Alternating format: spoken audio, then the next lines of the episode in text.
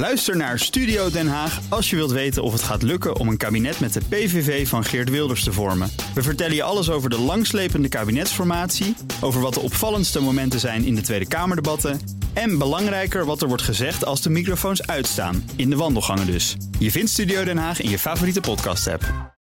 De column van Bernard Hammelburg. Dat corona weer op zou spelen, wist iedereen. Waardoor het harder gaat dan we hoopten is ook bekend. Het is vooral een probleem van ongevaccineerden. Evenmin een verrassing.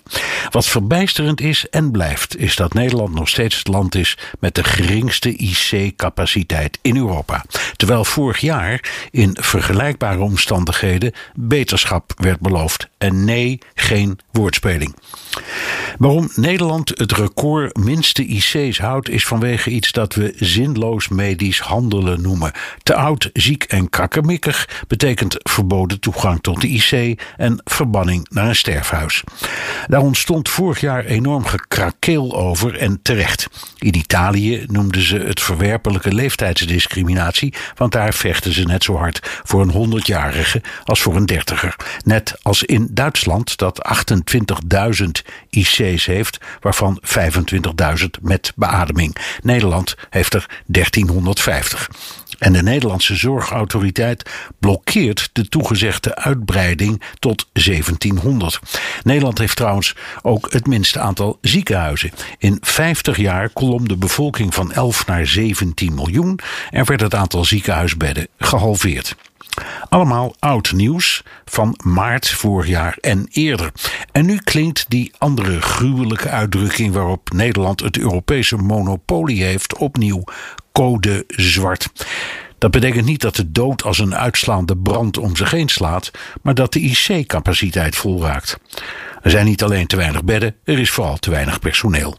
Nu kampt zowat iedere branche met personeelstekort, maar waarom de overheid op een moment zoals nu zonder veel morren en terecht miljarden aan bedrijfssteun weggeeft, maar blijft pruttelen over een mega-investering in medisch personeel, is een raadsel.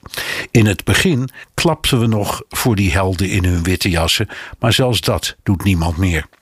Nee, zo erg als in Rusland en omstreken is het niet, maar opnieuw bungelt Nederland in de EU onderaan.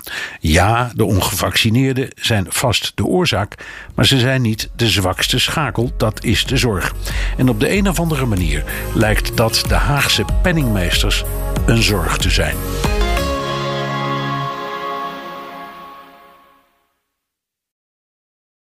Ook Liesbeth Staats vind je in de BNR-app. Ja, heel handig. Luister live naar Kees en mij tijdens de Daily Move. Dan blijf je ook gelijk op de hoogte van breaking news en het laatste zakelijke nieuws. En daar vind je ook alle BNR-podcasts, waaronder de Perestrooikast. Download nu de gratis BNR-app en blijf scherp.